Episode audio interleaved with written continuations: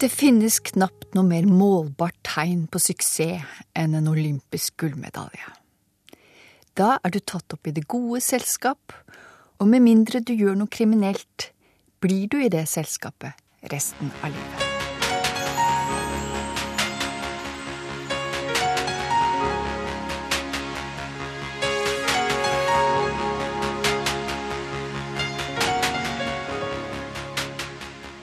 Min egen olympiske drøm ble effektivt avsluttet i 11-årsalderen. Det skjedde på Bryn skole i Bærum på midten av 70-tallet. Det blir færre og færre foran meg i den oppstilte rekken av elever som er oppvokst med de riktige vitaminene. En etter en virker det som de flyr over bukken. Jeg kjenner hjertet banke. Det er bare to igjen nå, før det er min tur. Det går altfor fort. Nå må jeg. Jeg fester blikket på bukken foran meg. Løper alt jeg kan. Jeg vet det ikke er spesielt raskt. Jeg løp 60 meter på 12 sekunder, og det er visst ikke spesielt bra.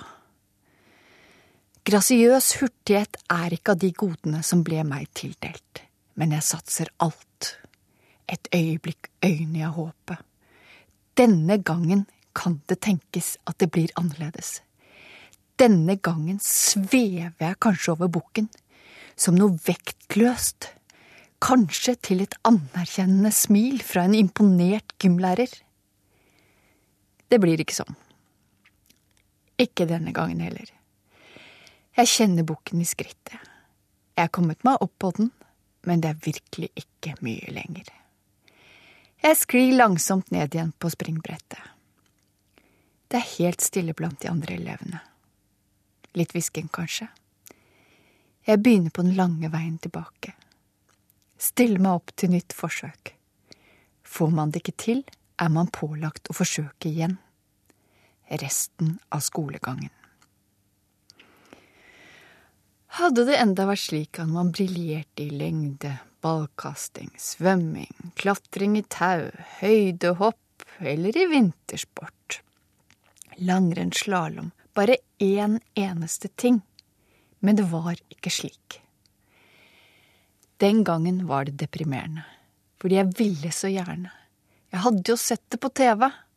Hvordan de sto nedover Alpene i puddersnø, danset seg gjennom terrenget. Mitt første møte med Kirkerudbakken endte opp med at jeg falt av heisen på min første tur og mistet den ene skien, som dro hele veien ned på egen hånd. Jeg måtte ta av meg den andre skien og gå ned hele bakken. Min mor pleide å forklare at det finnes andre steder. Det finnes andre drømmer. Det virket ikke slik akkurat da, men det er noe av det viktigste noen har sagt til meg. I dag bor jeg sammen med en som synes mine manglende sportskvalifikasjoner er et av mine største fortrinn. Han vil ha seg frabedt at jeg sier at han ikke kom over boken. Han liker at ting er korrekt. Han kom ikke engang opp på den. Jeg kommer aldri til å vinne en olympisk gullmedalje, og jeg lever veldig bra med det. Jeg er blitt en voksen dame. Og det er noen ting som er veldig mye greiere å forholde seg til når man er 50 år, enn når man er 11. Ikke alt er det, men det skal jeg komme tilbake til. Jeg heter Vibeke Itzøe, jeg er manusforfatter og filmregissør, og jeg har fått en ære å følge dere gjennom den neste timen. Ikke fordi paparazzoen ligger og venter i buskene når jeg forlater mitt hjem om morgenen, men fordi jeg har laget en film som heter Løvekvinnen, basert på Erik Fosnes Hansens roman fra 2006. Det skal handle om annerledeshet. Det skal handle om film. Og vi skal høre musikk av store kunstnere som jeg tror, ut ifra låttekster og det de har sagt i intervjuer, også har erfart noen av de følelsene av ensomhet som Løvekvinnen opplever. Her kommer Patti Smith, Because the Night Belongs to Lovers. Jeg har laget en film om en løvekvinne. Handlingen starter ut i 1912. I samme natt som moren dør, blir Eva Erktander født i en liten norsk stasjonsby. Den lille piken er dekket av lysegult, fint hår over hele kroppen også i ansiktet. Stasjonsmesterfaren Gustav reagerer med sorg over morens død og avvisning av sin nyfødte datter. Han mener hun ser ut som en gaupe og vil gjemme henne bort. Men det er komplisert å gjemme bort en sensasjon. Hvordan blir deres relasjon, og hvordan blir hennes liv? Vi følger Eva Eitander fra hun ble født i 1912 til 1936, i Norge og senere ute i Europa. Filmen er en stor europeisk satsing. Løvekvinnen har vist seg å være en historie om annerledeshet mange kjenner seg igjen i. Hva er det som engasjerer oss? Kanskje er det noe av det samme som grep et stort publikum da filmen om Elefantmannen kom på 80-tallet. Like lite som man måtte være født med et defigurert ansikt for å forstå Elefantmannen, er man ikke nødt til å være født med hår over hele kroppen for å identifisere seg med løvekvinnen. For det som også kjennetegner Eva, er den likhet hun har med alle andre mennesker. Bak en maske av permanent annerledeshet er Eva som alle andre barn. Hun ønsker seg venner, og mest av alt ønsker hun seg sin fars kjærlighet og aksept. Hun blir aldri et offer, og hun ønsker seg et liv som voksen som hun kan føle seg hjemme i. Slik vi alle gjør, slik jeg også har gjort. Handlingen foregår for hundre år siden, men tar opp tidløse spørsmål. Hva er skjønnhet, og hva vil det si å være annerledes? Jeg tror de aller fleste har opplevd å føle seg utenfor. Jeg har definitivt følt meg rar. Jeg har fått høre at jeg er rar. Og jeg er sikker på at de aller fleste som sitter og lytter til dette programmet, har kjent på et slags utenforskap. Noen i lengre perioder av sitt liv. Kanskje hele. Andre i kortere perioder. Enkelte bare i øyeblikk. Men jeg tror ikke man kan gå gjennom et helt liv uten å ha kjent på dette på en eller annen måte. Nå litt musikk fra to andre raringer, som begge har kjent seg litt utenfor. Bob Dylans låt i Anne Grete Preus oversettelse Fylt av min kjærlighet. Du hører på Sommer i P2, og jeg heter Vibeke Itzøe. Filmen om Løvekvinnen er min viktigste til nå. Jeg er glad for å ha laget den i dag, ikke for 20 år siden. Historien har store visuelle muligheter. Vi har mer kunnskaper og teknologi nå til å gi historien det visuelle uttrykket den fortjener. Forfatteren har skapt karakterer som jeg enten har kjent eller er selv. Jeg har mer erfaring, og det har blitt lettere å by på seg selv. Det er en forutsetning for arbeidet med skuespillerne som skal gestalte rollene, og jeg har vært så heldig å få arbeide med de aller beste kreftene. Jeg var klar nå. Jeg er ikke født med hår over hele kroppen, men jeg har fått høre en del opp igjennom som jeg har brukt som en slags inngang til følelsen jeg formidler. Her kommer et lite utsøkt utvalg av ekskluderende utsagn som er blitt meg til del. Hele livet har jeg fått høre at jeg er rar. Det kan gå lenge mellom hver gang, men det kommer med jevne mellomrom. I tenårene ville bestevenninnen min i barndommen plutselig ikke være sammen med meg lenger.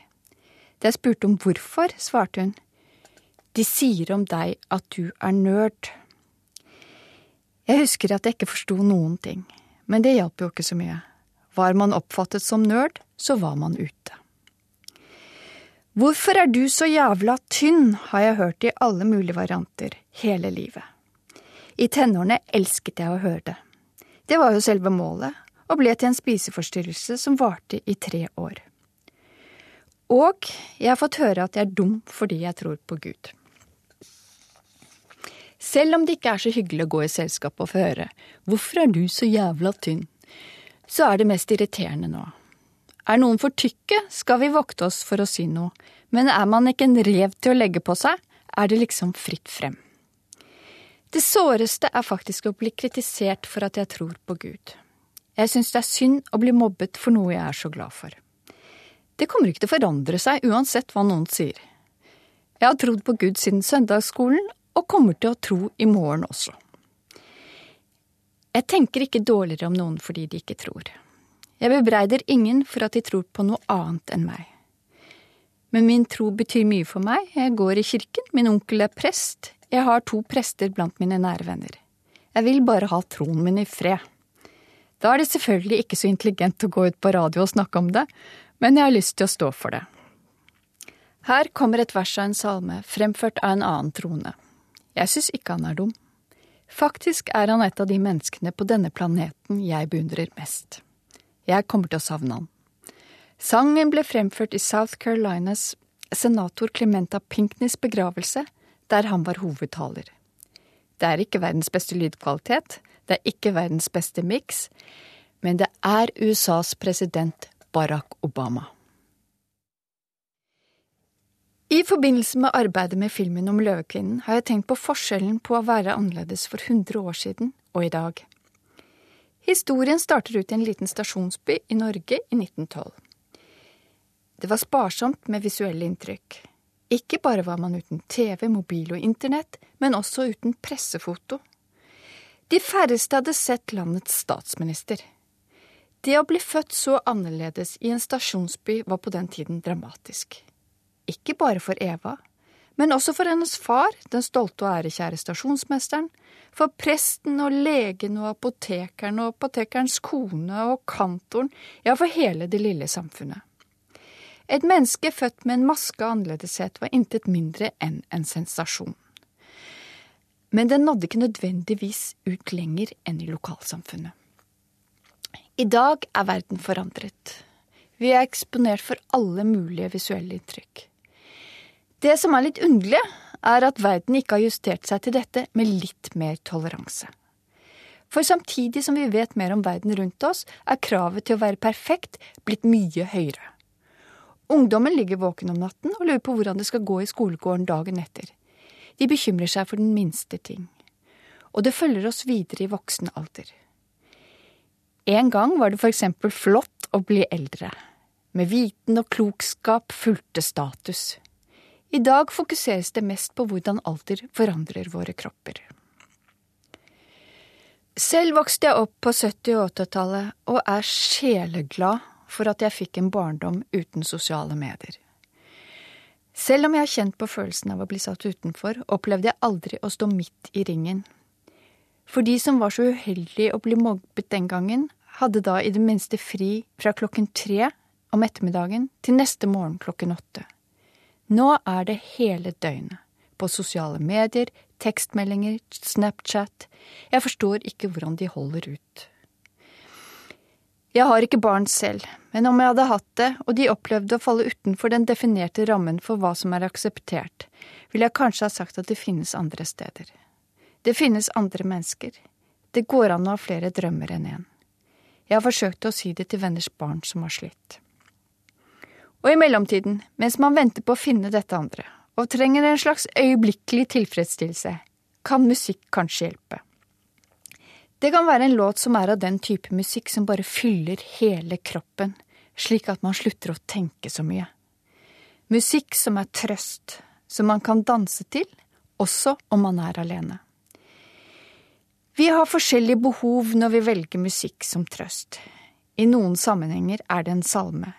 I andre kan det være Bruce Springsteens Dancing in the Dark. En låt er deilig å sette på, så høyt at den fyller hele kroppen. Jeg tror man trenger én god venn. Man trenger ikke tusen Facebook-venner, men man trenger én virkelig god venn. En mann jeg kjenner godt, ble veldig mobbet da han var liten en gang på begynnelsen av 70-tallet. Ordentlig.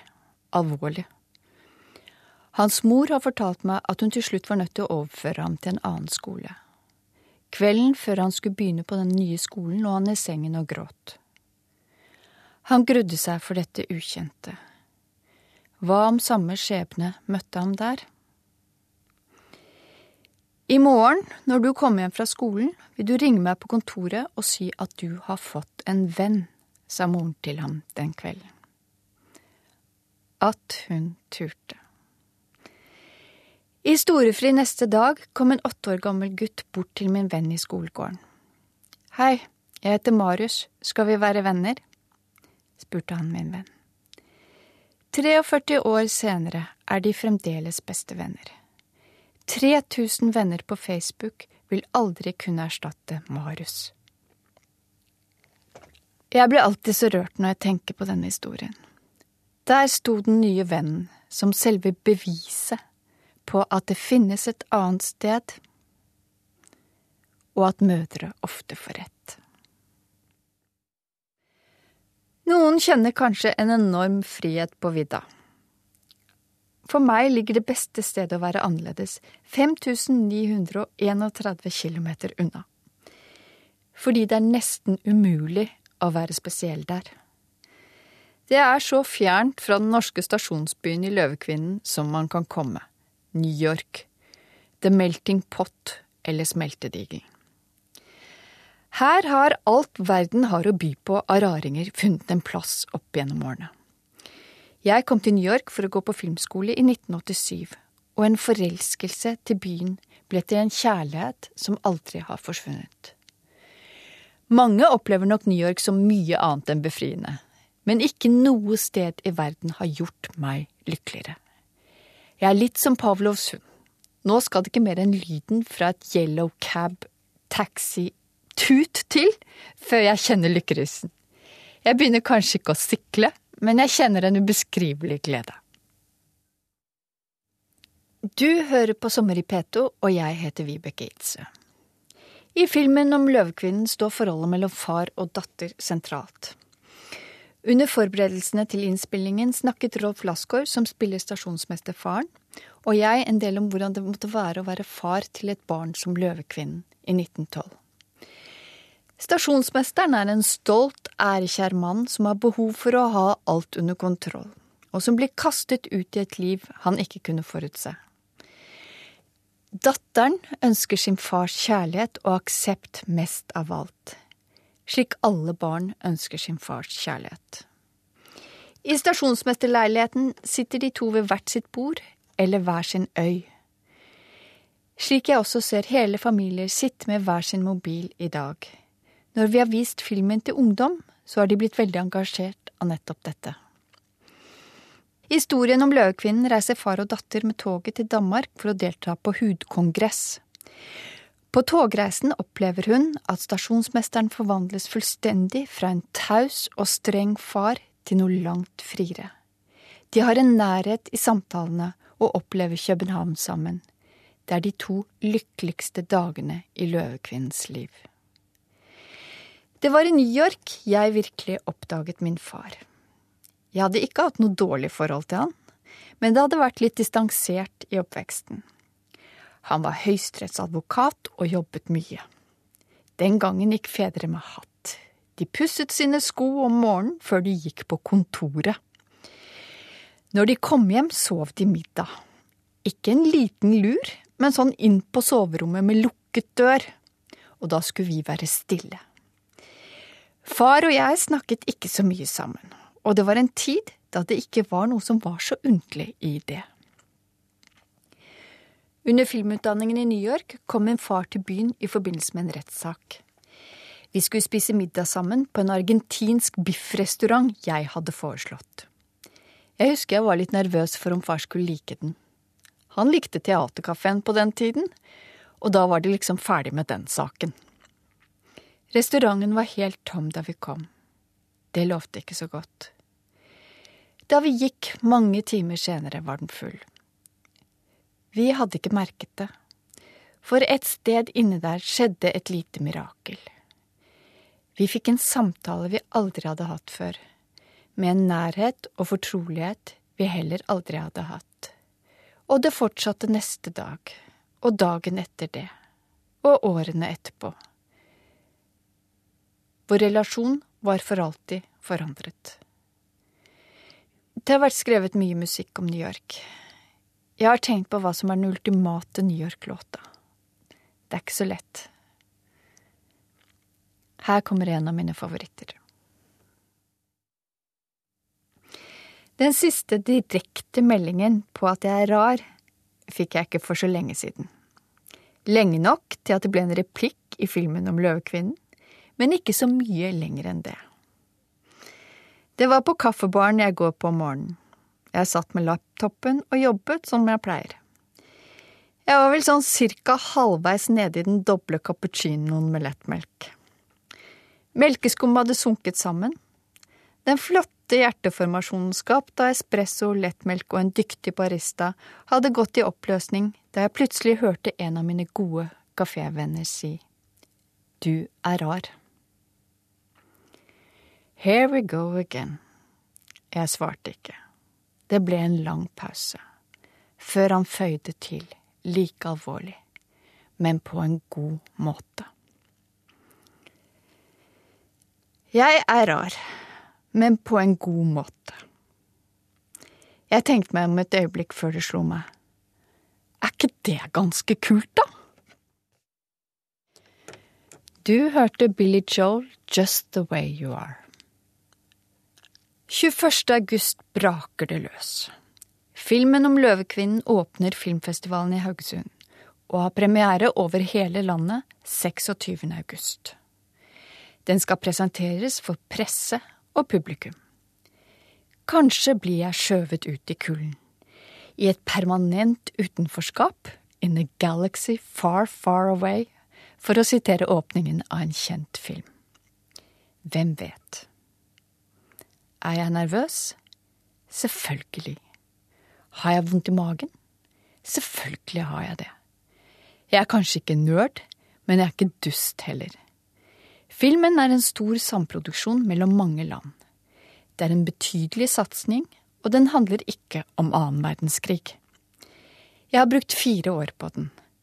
Manusskriving, finansiering, opptak, etterarbeid. Men uansett hva dommen blir når filmen kommer ut i slutten av august, angrer jeg ikke et sekund på det. Det er en fantastisk historie. Jeg vet med hånd på hjertet at jeg har gjort alt jeg kunne. Filmen har alltid gått foran. Jeg har gjort alt for å få dette til å bli en stor opplevelse for tilskueren. Mer kan jeg ikke gjøre. Jeg vil avslutte med en hyllest til alle dere som elsker en som er annerledes, eller som føler seg som en. Alle som er aksepterende, tolererende og som gir oss følelsen av at her er det en som vil fylle meg med kjærlighet. Den siste låten er en av mine favorittlåter. Den er fra en svart kvinne som ble født i 1944 i Memphis, Tennessee, og det skal ikke så mye fantasi til for å forstå at hun nok vet alt om å ikke passe inn fra begynnelsen av. Jeg takker for meg med The Queen of Soul, Aretha Franklin, You make me feel like a natural woman.